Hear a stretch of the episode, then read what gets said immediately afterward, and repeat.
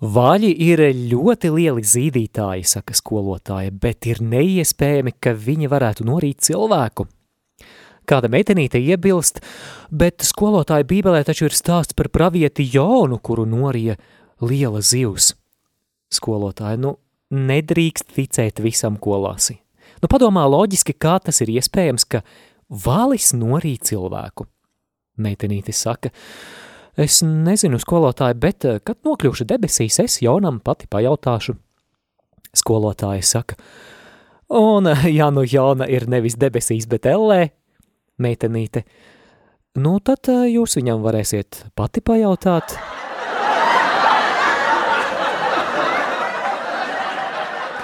Šoreiz raidījumā runāsim par to, kas ir mīklainā Jonas zīme, par kuru runā Jēzus Mateja evaņģēlija 12. nodaļā. Turpinām studēt Mateja evaņģēliju. Paliec kopā!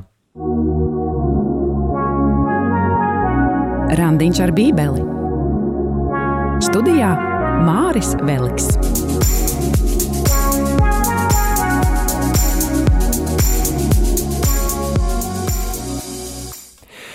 Esiet sveicināti Bībeles draugi, mēs eh, esam randiņa ar Bībeli 36. epizodē, piekdienā, 15. oktobrī. Turpināsim studēt Mateja evaņģēliju. Mums šoreiz divas interesantas daļas no Mateja evaņģēlija 12. nodaļas. Pirmkārt, mēs runāsim par labiem un sliktiem augļiem, un, kā raidījuma ievadā es jau pieteicu, Raidījuma otrajā daļā mēs runāsim par to mīklaino, noslēpumaino Jonas zīmi, kā to saprast, ko tā nozīmē. Un, ja tu seko līdzi šajā raidījumā arī svētajiem rakstiem savā bībeles izdevumā, tad atšķir Mateja evaņģēlija 12. nodaļu, jo šodien mēs lasīsim no 33 līdz 42. pantam, bet pirms mēs sākam studēt šodienas Dieva vārdu, Vēlos arī atgādināt, ka šis raidījums ir redzams tiešraidē arī mūsu sociālajos tīklos, meklējiet Facebook lapu Randiņš ar bībeli, un, mīļo klausītāji, šajā brīdī, ja tu klausies, ja tu lieto internetu, pirms mēs sākam studēt Mateja evaņģēlija šodienas fragmentu, ja tu neesi ielaikojis šo lapu, tad droši to izdari tagad. Meklē Randiņš ar bībeli, vai arī cits kanāls, kurā šo raidījumu varat redzēt video formātā, ir arī Radio Marija Latvija tiešraides. Tātad Radio Marija Latvija tiešraides arī piesakojiet šim kanālam, un lai palīdzētu Radio Marija misijai augt, izplatīties, lai radio Marija raidījumi varētu aizsniegt tos cilvēkus, kuri citādāk šo radiostaciju varbūt nekad neieslēgtu, tad no sirds būsim pateicīgi, ja šo vai citus raidījumus, kuri jums patīk, arī padosiet tālāk un droši iekomentējiet sociālajos tīklos, ielaikojiet, ielieciet to īkšķīti uz augšu, un tas palīdzēs arī šim raidījumam un arī citiem radio Marija raidījumiem aizsniegt iespējami vairāk cilvēkus. Paldies par šādu atbalstu radio Marija misijai, bet šajā brīdī nākam Dieva priekšā, lai viņu pielūgtu, lai meklētu viņa klātbūtni, jo Kāds gan būtu randiņš ar bībeli bez svētā gara, vai ne? Dieva tēva un dēla un svētā gara vārdā Āmen. Kungs Dievs, mēs lūdzam, lai Tu, Tēvs, izlai svēto garu šī raidījuma sākumā par ikvienu radio klausītāju. Un, kungs, jau šīs lūkšanas laikā ļauj sajust Tavu mīlestību, ļauj sajust Tavu klātbūtni, jo viss, kam tu pieskaries, svētais gars, top auglīgs. Un, kungs, mēs lūdzam, lai mūsu sirds ir tā vieta, kur tu šodien pieskaries. Lai tas vārds, kurš šodien tiks pasludināts, rod mūsu sirdī auglīgu augsni, lai tas nes labus augļus. Kungs, es lūdzu, lai šis būtu pārdabisks raidījums – Kungs, es lūdzu, lai šī raidījuma laikā tu darbojies pie cilvēku sirdīm, lai tu dāvā pārdabisku prieku, lai tu dāvā pārdabisku savas mīlestības pieredzi klausītājiem, lai notiek gan fiziskas, gan garīgas dziedināšanas. Un mēs lūdzam, lai tava vārda studēšana mūs tuvina Jēzus sirdī, ļaujot viņu vairāk iepazīt un iemīlēt. To mēs lūdzam Jēzus Kristus vārdā. Āmen. Svētais Matei, lūdz par mums! Vēlēs labāk iepazīt svētos rakstus, bet nezini, ar ko sākt? Raidījums Randiņš ar Bībeli ir tava Bībeles studiju iespēja. Dinamiska, mūsdienīga un baznīcai uzticīga. Studē Bībeles grāmatas kopā ar savedēju Māri Vēliku.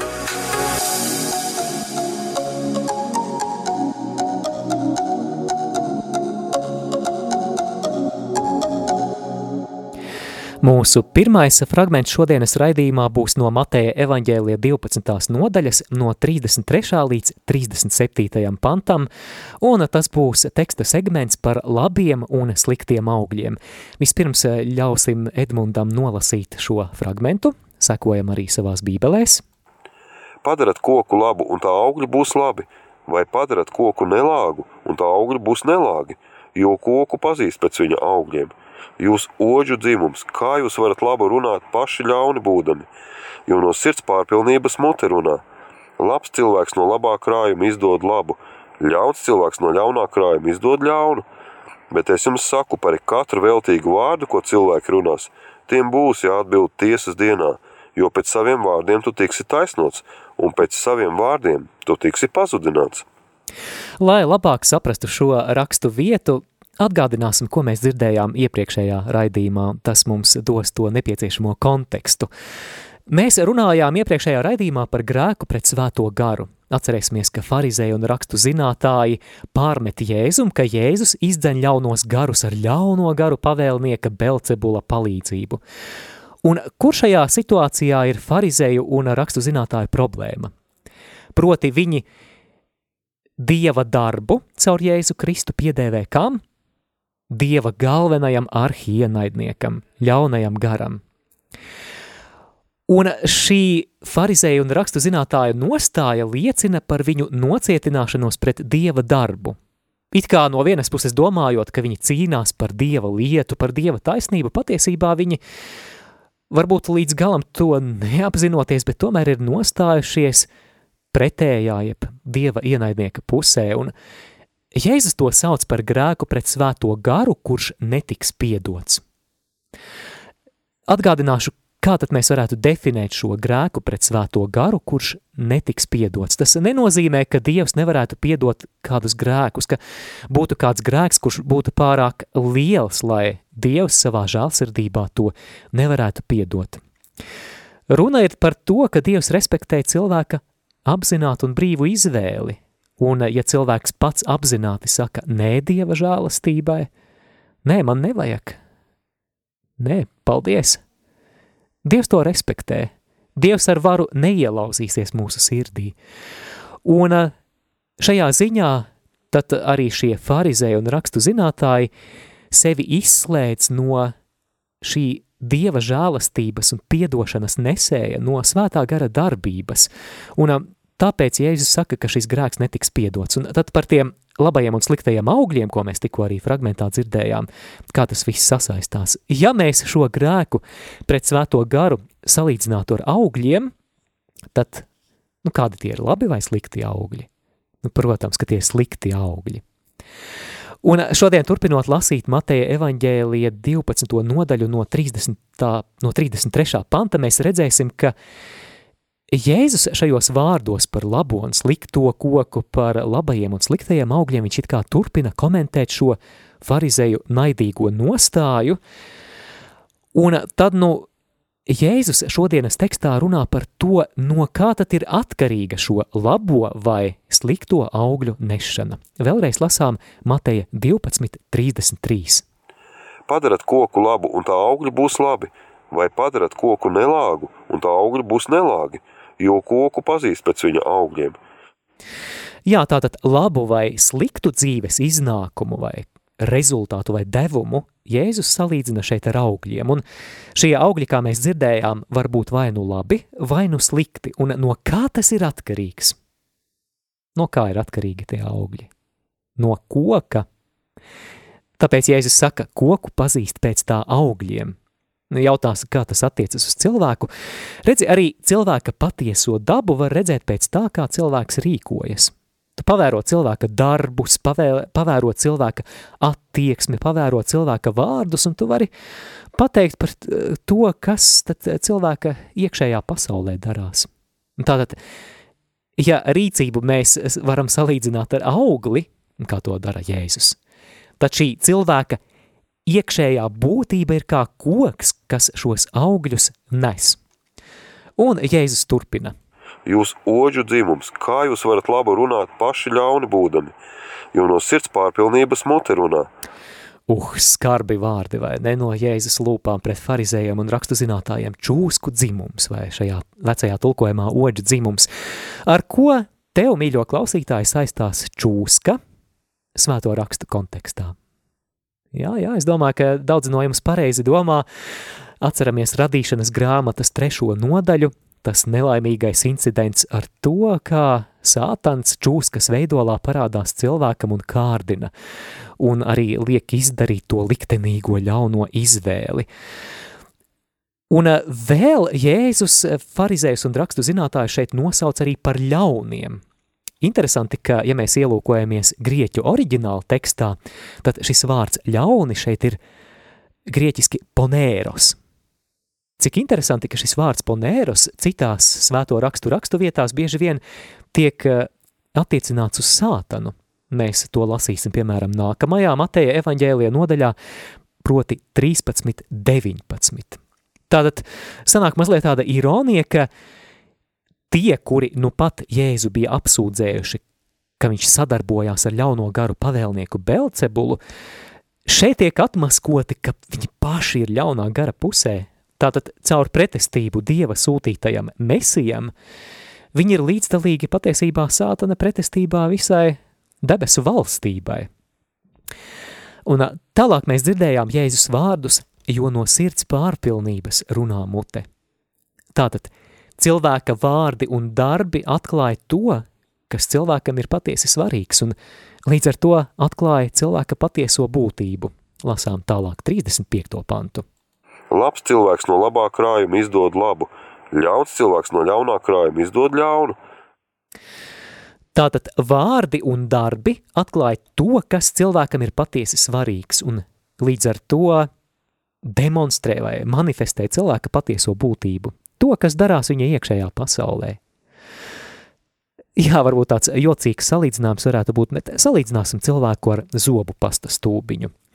Varbūt kādam ir gadījies, ka zobu pasta stūbiņa kādā ceļojumā vai pārgājienā ir ielikta mugursomā un nejauši kaut kas tur uzspiežās, un kas iznāk ārā, nu, ne jau aknu pastēte, vai ne?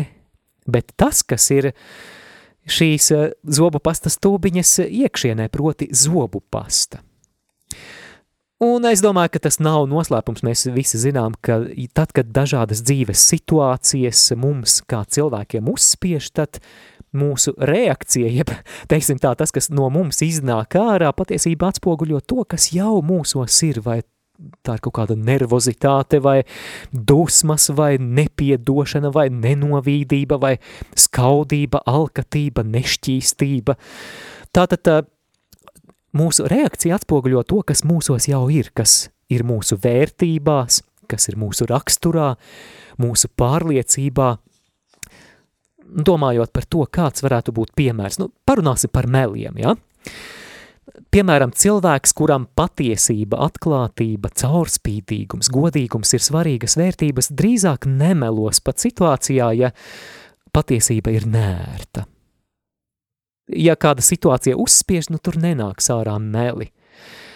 Tātad iekšējās vērtības noteiks šī cilvēka ārējo rīcību un vārdus arī, kurus viņš teiks. Savukārt, Ko mēs varam secināt, ja kāds cilvēks melo? Tas liecina, ka šim cilvēkam ir kādas iekšējās problēmas, kuras nav atrisinātas. Varbūt tas ir kāds brieduma trūkums, varbūt godīgums un atklātība nav šim cilvēkam vērtība, varbūt tur ir runa par kādām ļoti dziļām bailēm, varbūt tur ir runa par kādu mazvērtības kompleksu, kas liek slēpties aiz meliem vai kādi citi dziļāki iemesli. Tātad tas, kā mēs dažādās situācijās reaģējam, atspoguļo to, kas jau mūsos patiesībā ir, mūsu vērtības, raksturu, mūsu pārliecības. Un, kā mēs dzirdējām arī Jēzus vārdos, ka ne tikai mūsu ārējā rīcība, bet arī mūsu vārdi atspoguļo cilvēka iekšējo pasauli. Par to Jēzus runā tālāk brīdinot, ka vārdiem ir sekas.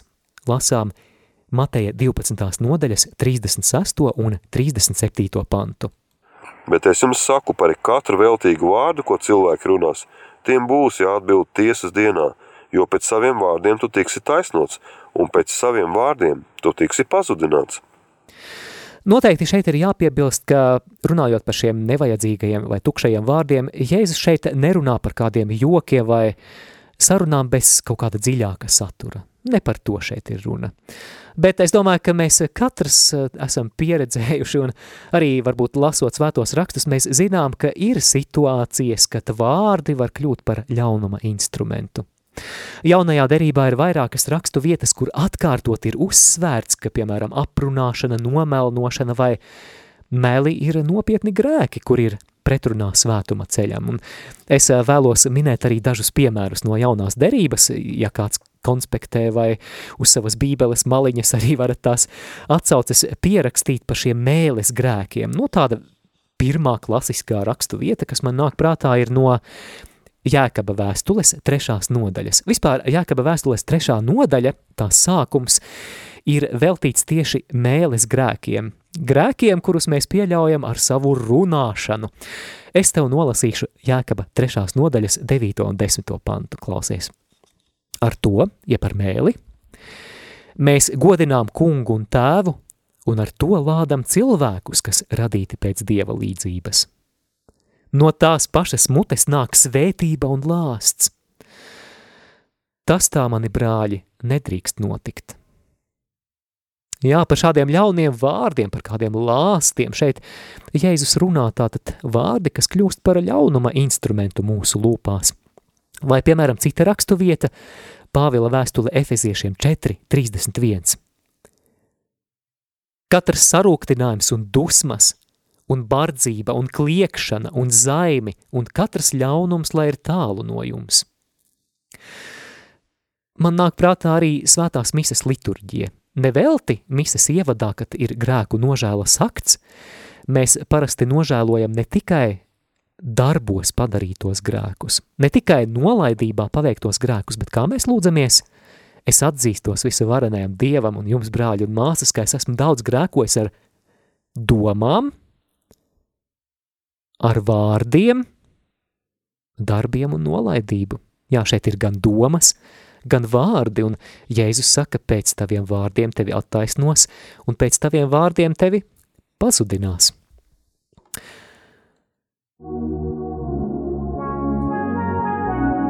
Kā dzirdētais attiecas uz manu dzīvi?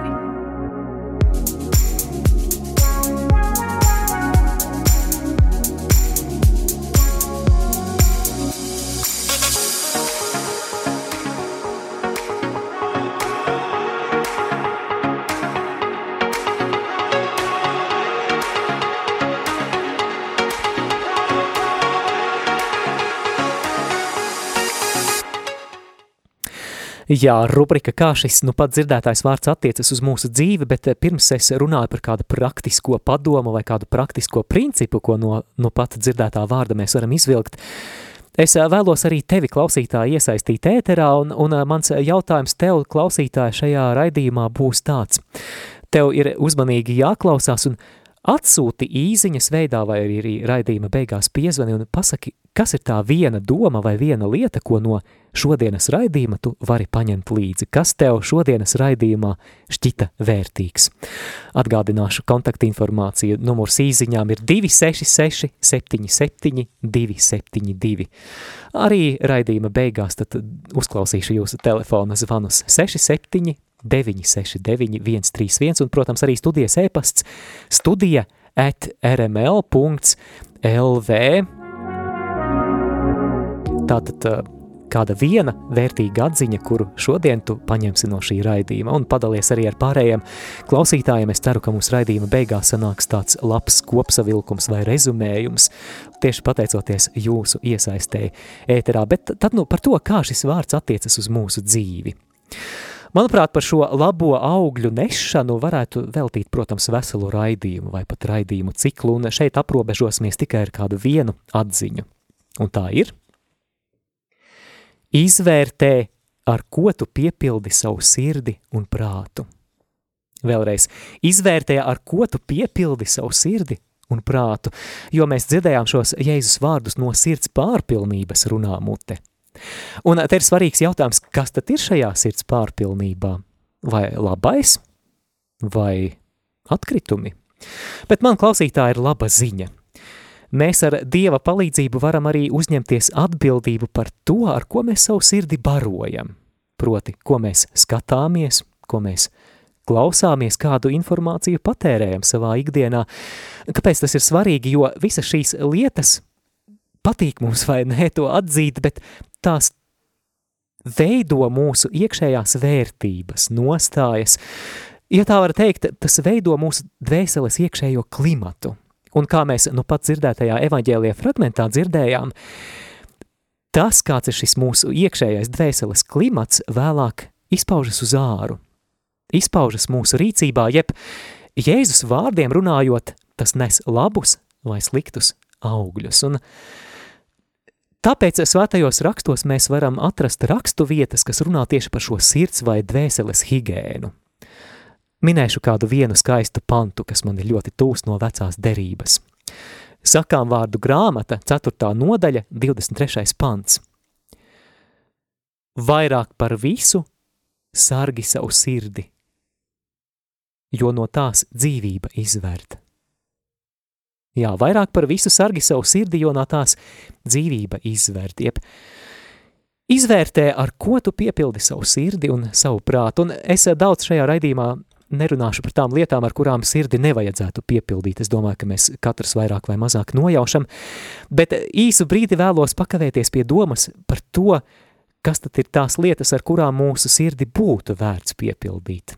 Un eh, es domāju, ka šim raidījumam ļoti atbilstošs iedrošinājums būtu lasi un pārdomā bībeli.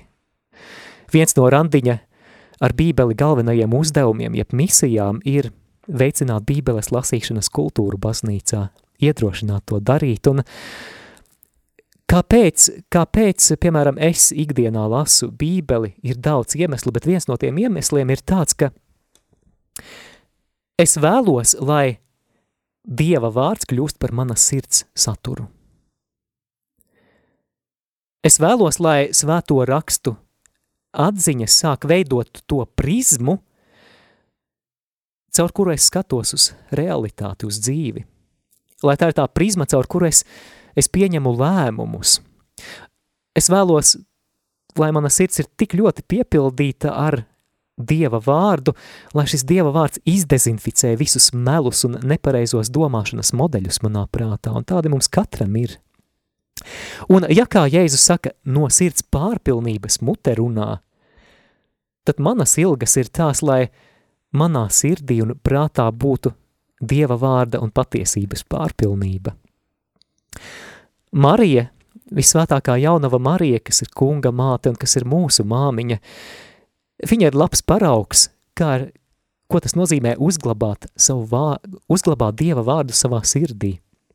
Tātad izvērtē, ar ko tu piepildi savu sirdi un savu prātu un tad nu arī lasi un pārdomā Dieva vārdu. Pēc mūzikas pauzes atgriezīšos ēterā. Es esmu ceļš, patiesība dzīvība, saka Jēzus un piedāvā manībā. Es esmu ceļš, patiesība dzīvība, saka Jēzus un piedāvā manībā. Patiesība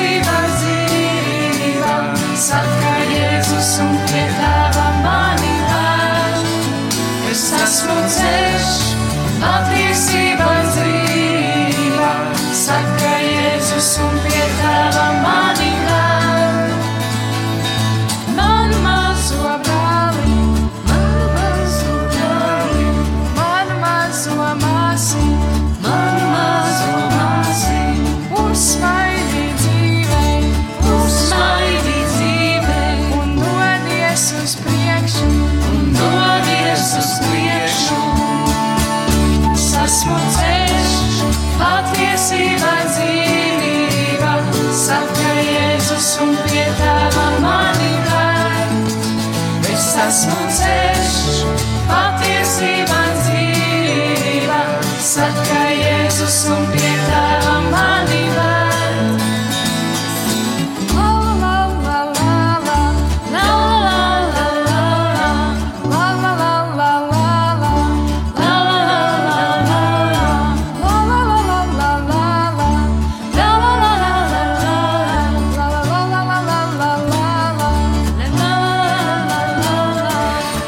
Māris Veliks atpakaļ ēterā randiņā ar bībeli tiem, kas tikko mums ir pieslēgušies. Atgādinu, ka šodien mēs studējam Mateja evaņģēlija fragmentu no 12. nodaļas no 33. līdz 42. pantam. Pirms brīža mēs aplūkojām segmentu par labo un slikto augļu nešanu, un arī kāda īziņa par šo tēmu ir sasniegusi studiju. Kāds klausītājs vai klausītāja raksta, ka runājot par grēkiem, kas saistīti ar vārdiem, Nāk prātā arī bauslis tev nebūs nepatiesu liecību dot pret savu tuvāko. Jā, paldies par šo vērtīgo piebildi. Un, mīļo klausītāji, atgādinu arī par tavu iespēju iesaistīties šajā raidījumā.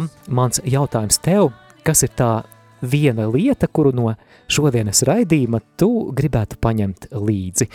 Un es ceru, ka līdz raidījuma beigām tad arī mēs būsim saņēmuši vairākas liecības un vairākas atziņas, un tas veidos tādu brīnišķīgu rezumējumu. Iesaisties ēterā, zvanot uz studijas tālruni 67 969 131 vai rakstot īsiņu uz numuru 266 77 272. Izmanto arī e-pasta iespēju Studija at rml.lv. Un raidījuma otrajā pusē mēs parunāsim par to noslēpumaino mīklaino Jānas zīmi, un tas būs fragments Mateja evaņģēlija 12. nodaļā no 38. līdz 42. pantam. Tad daži rakstu mācītāji un farizēji viņam atbildēja sacīdam mācītāji, mēs gribam no tevis kādu zīmi redzēt. Bet viņš atbildēja un sacīja, ļauna un laulības pārkāpēja cilts meklē zīmes, un viņai nekāda cita zīme netiks dota, kā vien pravieša Jonas zīme. Jo kā Jona bija trīs dienas un trīs naktis zivs vēderā, tā cilvēka dēls būs trīs dienas un trīs naktis zemes klēpī. Ninivis vīri celsies tiesas dienā pret šo paudzi, un viņu pazudinās, jo tie Jonam sludinot, pārmainījās grēkus nožēlojot, un raugi šeit ir vairāk nekā Jona. Ķēniņienu no dienvidiem celsies tiesas dienā pret šo cilti, un to tiesās, jo viņi nāca no zemes gala dzirdēt zālmanu gudrību, un raugi šeit ir vairāk nekā zālmans. Nu, re, kā tu nojaut klausītāji, te daudz interesantu dziļu lietu, nu pat mēs dzirdējām šo fragmentu, ne viss, es saprotu, ne viss pirmajā brīdī ir saprotams, bet tāpēc preparēsim šo vārdu kopā, iesim pa druskai uz priekšu, pa pantam uz priekšu, un tad nu vēlreiz Mateja 12. nodaļas 38. pants. Tad daži rakstu mācītāji un farizēji viņam atbildēja sacīdam mācītāji, mēs gribam no tevis kādu zīmi redzēt. Jā, mēs dzirdējām, ka rakstu mācītāji un farizēji šeit Jēzu izaicina, nu parādi mums kādu zīmi. Iemesls, kādēļ viņi kādu zīmi prasa, ir līdzīgs tam, ko mēs lasām Mateja evaņģēlie 21. nodaļas 23. pantā. Kad viņš atnāca uz templi un mācīja, pie viņa pienāca virspriesteri un tautas vecie, un jautāja, kā varētu to dari? Kas tev ir devis varu to darīt? Jā, arī šajā gadījumā tas ir līdzīgi kā šie rakstu zinātāji un farizēji. Jēzum teiktu, nu, Jēzu parādi mums savus dokumentus, kur ir tavs certifikāts, nu, kur ir? Tu esi pasludinājis tādas ļoti ambiciozas, prātam neaptveramas lietas par sevi, tu esi teicis, ka tu esi kungs pār sabatu, skan ļoti kliedzoši, Tu, dziedinot paralizēto, apgalvoji, ka tu piedot viņa grēkus. Tu teici, ka tu esi kas lielāks par templi, kādas šausmas. Skan ļoti ambiciozi, un kā lai mēs taviem vārdiem uzticamies? Parādi mums kādu zīmi, lai mēs tev noticētu. Kā ir ar tā, to zīmes prasīšanu, vai šajā ziņā farizē un rakstu zinātāji rīkojas kaut kā nepareizi? Mm, ne tā ir tā lielākā problēma, jo ja mēs palasām veco derību, tad mēs atrad, atrad, atradīsim daudz piemērus tam, ka Dievs tiešām lieto zīmes, lai kaut ko apstiprinātu. Mūzum Dievs dod darīt zīmes, kuras apstiprina viņa autoritāti, kad tā tiek apšaubīta. Gideons lūdza un saņēma zīmi no Dieva, kas apstiprināja viņa aicinājumu un Dieva apsolījumu. Varētu minēt vēl citas un citas zīmes, un visām šīm zīmēm bija tāds pārdabisks raksturs. Tagad Mateja evaņģēlija 12. nodaļā Jēzum tiek prasīta zīme kas apstiprinātu Jēzus autoritāti. Un lūk, Jēzus atbilde, 39. pants. Bet viņš atbildēja un sacīja, ļauna un laulības pārkāpēja cilts meklē zīmes, un viņai nekāda cita zīme netiks dota, kā vien pravieša Jonas zīme. Kāpēc Jēzus atbild tik noraidoši, ja jau pirms brīža mēs redzējām, ka Dievs vecajā derībā atbildēja caur zīmēm? Te, dārgais klausītāji, jāpati, jāpatin tā filma Mateja evaņģēlijā mazliet atpakaļ. Es jautāšu tev, varbūt, ja esi klausījies iepriekšējos raidījumus un esi lasījis Mateja evaņģēliju, vai iepriekš mēs jau esam lasījuši par kādām Jēzus paveiktām zīmēm, jeb brīnumiem? Kā ir? Un kā vēl? Atgādināšu jau, Ceturtajā nodaļā mēs lasījām, ka pie viņa nesa visus neveselos, dažādu slimību un ciešanu mocītos, dēmonu apsēstos, mēneserdzīgos un paralītiķus, un viņš tos dziedināja, Mateja 4.24. Tālāk pēc kalnas prediķa, 8. nodaļā seko brīnums pēc brīnuma.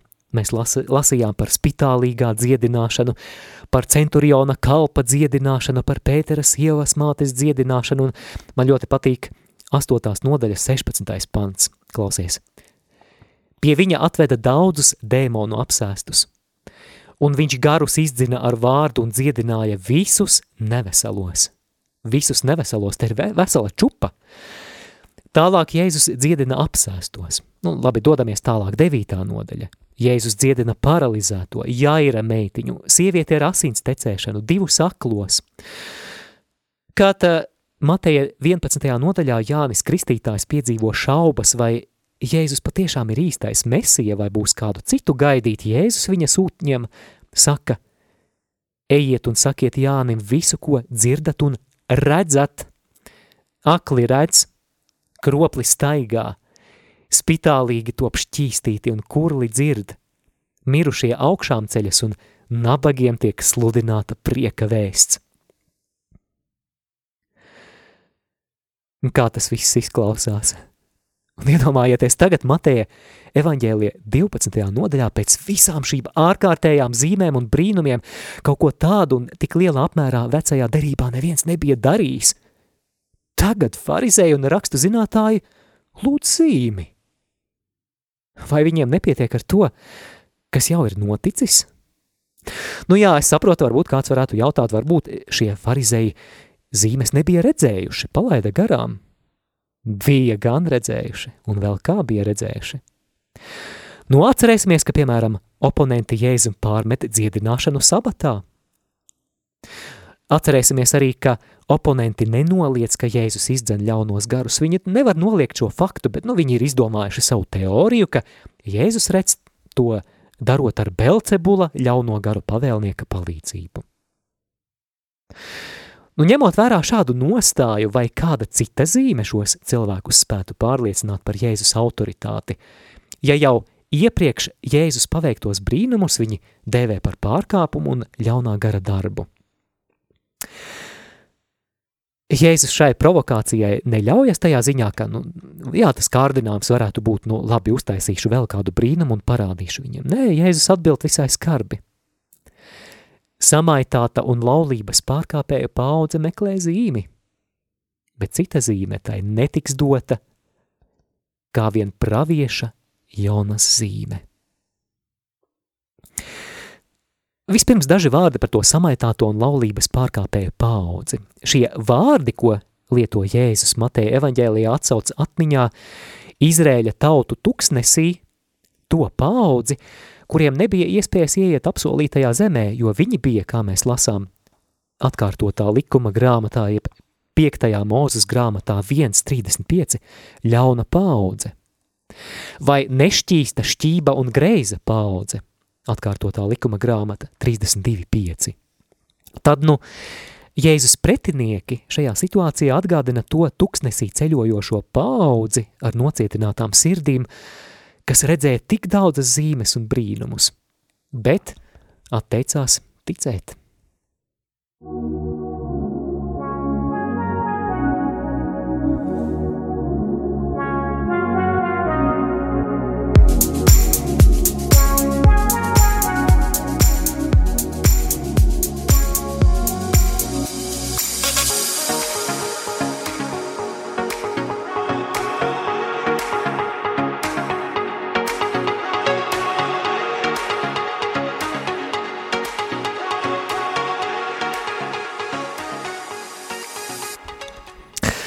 Visbeidzot ķeramies klāt jautājumam, kas tad bija tā mīklainā Jonas zīme, par ko Jēzus šeit runā.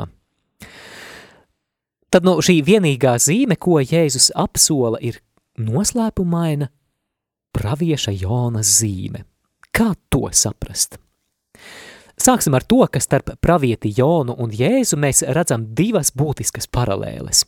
Pirmā – Kā Jonas sludināja atgriešanos no grēkiem Ninīves iedzīvotājiem, tā Jēzus sludina atgriešanos no grēkiem viņa paaudzēji. Mēs lasījām iepriekš Mateja evaņģēlijā, ka Jēzus publiskās darbības sākumā Jēzus centrālā vēsts ir atgriezieties no grēkiem un ticiet evaņģēlijam, jo Dieva valstība ir klāt pienākusi. Otra paralēle, jeb otra līdzība starp Jonasu un Jēzu ir tā, ka Gluži kā Jonas trīs dienas atradās zivs vēderā, līdz tika izspļauts tā, Jēzus trīs dienas pavadīs kapā, līdz augšām celsies, un par to mēs lasām Mateja 12, 40. Jo kā Jona bija trīs dienas un trīs naktis zivs vēderā, tā cilvēka dēls būs trīs dienas un trīs naktis zemes klēpī. Jā, Jēzus šeit netieši pasludina savu nāvi un augšām celšanos caur līdzību ar Jonas stāstu.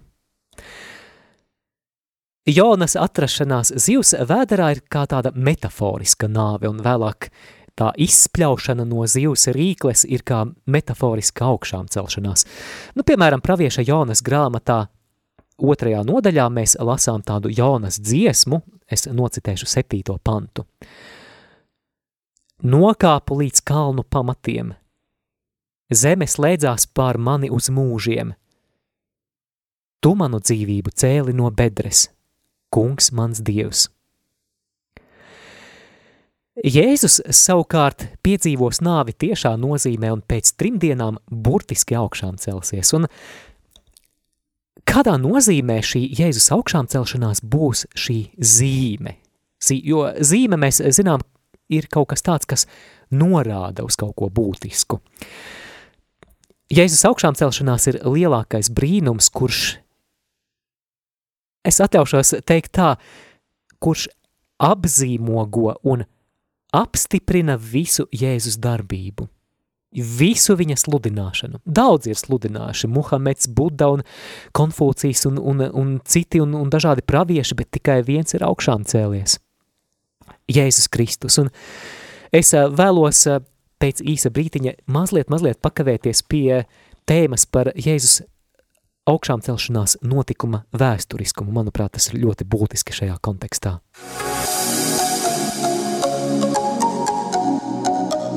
Skan randiņš ar bībeli.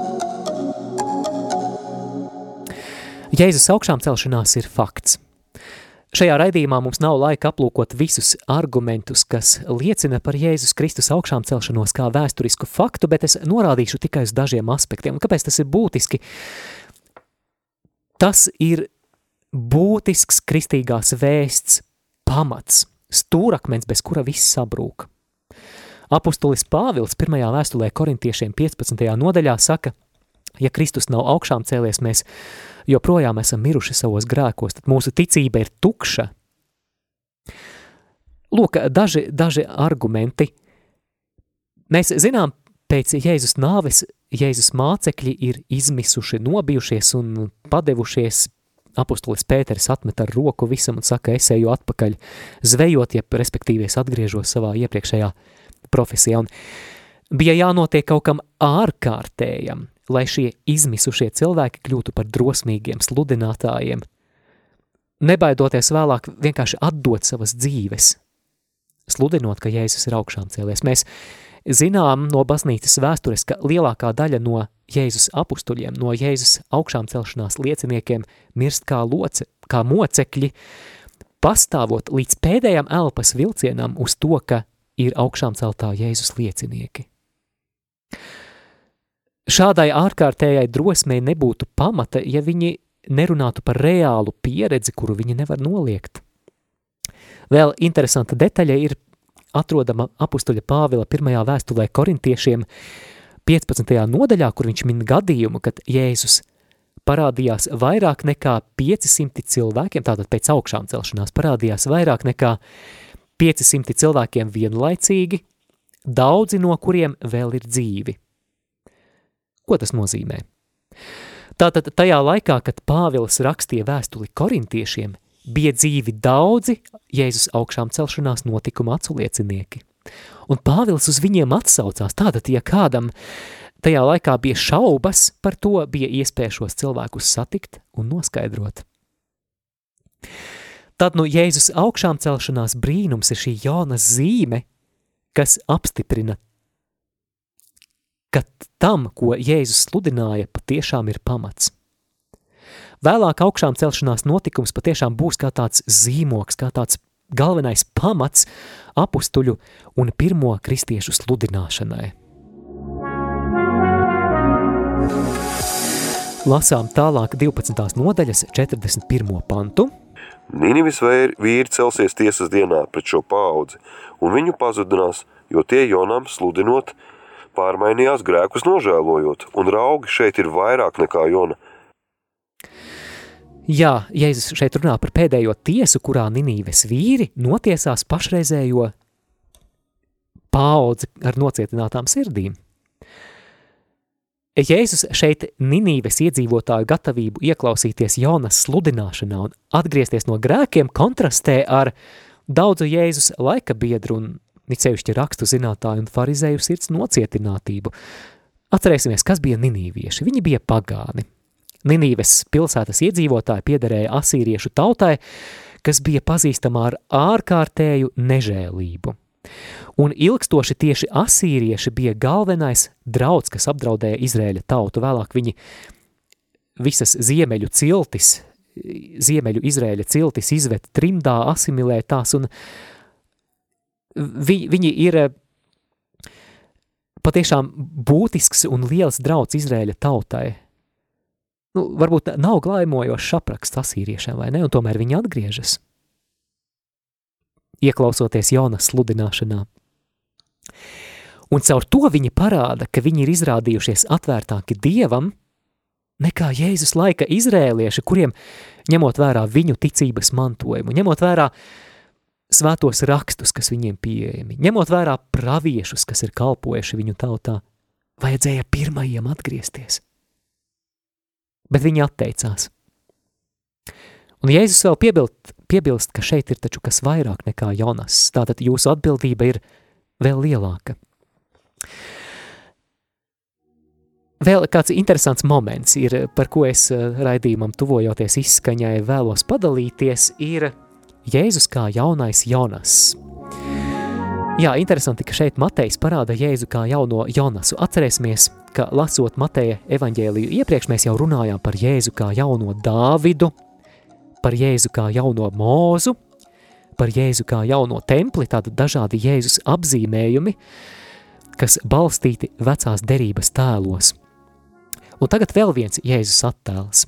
Jēzus kā jaunais Jonas. Galven, galvenokārt jau divu minēto iemeslu dēļ. Pirmkārt, viņš sludina grēku nožēlu, un te ir arī tā līdzība starp trīs dienām zivs vēderā un trīs dienām kapā.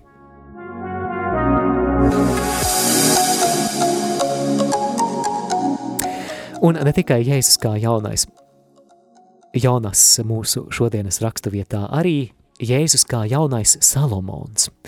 Nākamajā pantā, proti 42. pantā, Jēzus kā jaunais Salomons, un klausāmies – ķēniņiene no dienvidiem celsies tiesas dienā pret šo cilti un to tiesās, jo viņa nāca no zemes gala dzirdēt zālmanu gudrību, un raugi šeit ir vairāk nekā zālmans.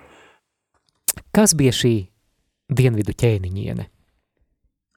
Pirmajā ķēniņu grāmatā desmitajā nodaļā mēs lasām par šebas jeb sabas ķēniņieni, kas ieradās no tālienes pie ķēniņa Salomona, lai iepazītos ar viņa izdaudzināto gudrību.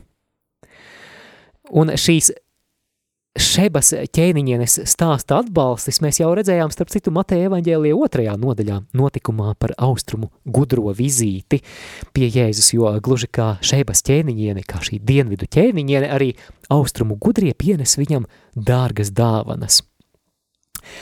Arī šis ir piemērs tam, kā pagāni var būt atsaucīgāki dievam nekā farizē un rakstu zinātāji, un ja jau pagāni atsaucās Jonas sludināšanai un Salomona gudrībai, cik gan vairāk farizējiem un rakstu zinātājiem vajadzētu atsaukties Jēzum, jo galu galā viņu priekšā ir kāds lielāks par Jonu un lielāks par Salomonu.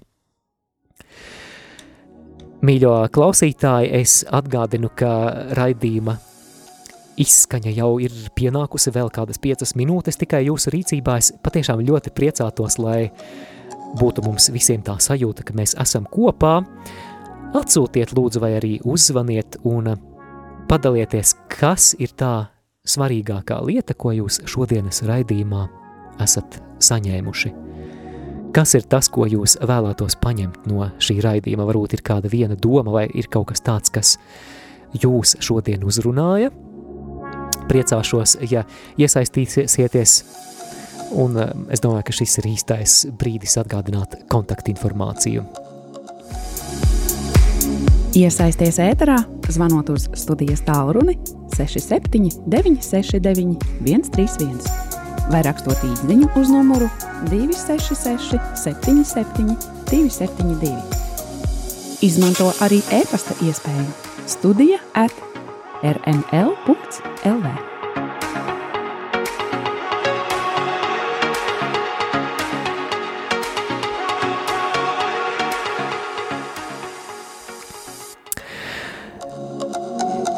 Turpinām randiņu ar bībeli, un tad kas ir tās lietas, kas šodienas tekstā un arī šodienas pārdomās klausītājus ir uzrunājušas. Lūk, kāda īziņa, lasīšu to, paldies par to. Galvenā atziņa no raidījuma – ļaut Dieva vārdam piepildīt un pārveidot manu sirdi. Būt uzmanīgam, kas manā sirdī ienāk. Lielas paldies par šo ziņu! Un vēl kāda garāka īziņa. Man radās nepārprotama sajūta, ka nozīme ir pilnīgi visam, ko mēs domājam, runājam un darām. Kā arī labais, ko bieži vien neizdarām. Ja nemaldos, apustulis Pāvils ir teicis tādu domu, kas mazliet pārfrāzējot skan, kā savā dzīvē mums ir jābūt kā sacīkšu dalībniekiem, kas dzenas pēc balvas, jo tikai viens saņems galveno balvu. Laiks ir pārāk dārgs, lai to izniekotu izklaidēs, kas iztukšo sirdi. Jā, ir iespējams lūgt, pateikties, slavēt un piepildīt savu sirdi un dzīvi ar Dieva tuvumu. Gaismekli iededzis neviens to neliek zem pūra. Dzīvosim tā, lai mūsu sirds piepildās ar gaismu un varam starot mīlestību tiem, kam tā visvairāk vajadzīga vai cik skaistas pārdomas, paldies liels! Jā, nu, mīļo klausītāji, arī tava pēdējā iespēja ir iesaistīties tālruņa numurs īziņām ir 266 77 272. Es, starp citu, ļoti, ļoti priecātos arī par kādu telefona zvanu. Piezvaniet un padalieties, vai ir kāda doma, kas jūs, ko jūs no šodienas raidījuma un no šodienas evaņģēlija fragmenta paņemsiet līdzi vai gribētu paņemt līdzi. Numurs studijā ir 67 969 131 67 969 131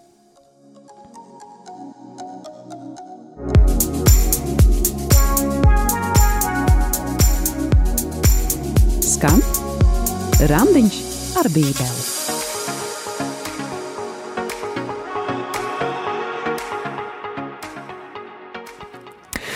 Vēl kādu īziņu esam saņēmuši no ticības taisnais dzīvos.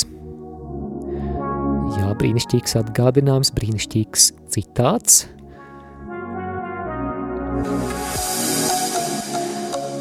Nu ko, es domāju, ka, lai raidījuma noslēgumā lūksim Dievu, un ja šajā laikā, ja šīs lūkšanas laikā vēl kāda īziņa ieripos studijā vai arī kāds zvans sasniegs, tad arī droši, droši mani drīkstat pārtraukt. Dieva tēva un dēla un svētā gara vārdā. Āmen. Kungs, Jēzu, paldies Tev par Tavu evaņģēliju, paldies Tev par Tavu sludināšanu. Kungs, pamatojoties uz šodienas vārdu, es lūdzu darbojies pie mūsu sirdīm. Pārveido mūs. Tu zini, ka mēs esam ievainoti. Tu zini mūsu tumsu, mūsu bailes, šaubas, atkarības, nesakārtotību. Bet, Jēzu, tu spēj mūs pārveidot, tu spēj dāvāt mums dziļu iekšējo dziedināšanu, lai mēs topam par labiem kokiem, lai nestu labus augļus.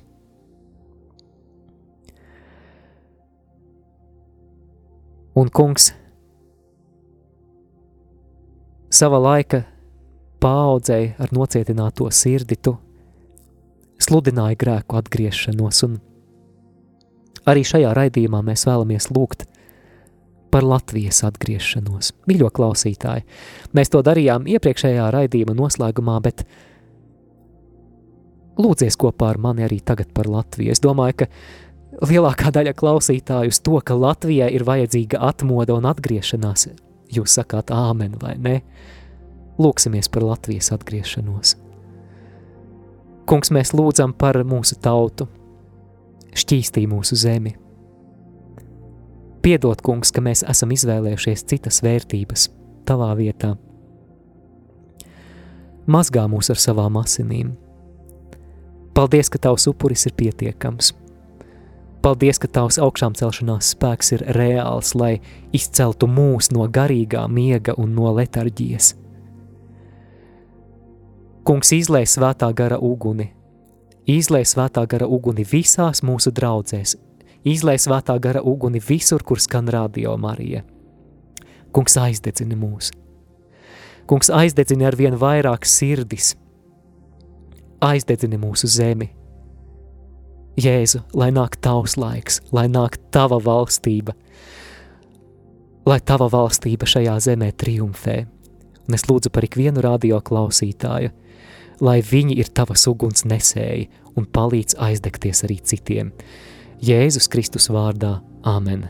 Dieva tēva un dēla un svētā gara vārdā – Āmen.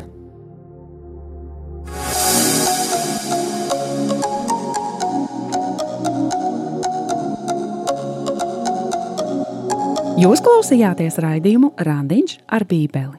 Savas atsauksmes, ieteikumus un jautājumus sūtiet uz e-pastu – randiņš ar bībeli at gmail.com. Iepriekšējās raidījuma epizodes aicinām meklēt arhīvā.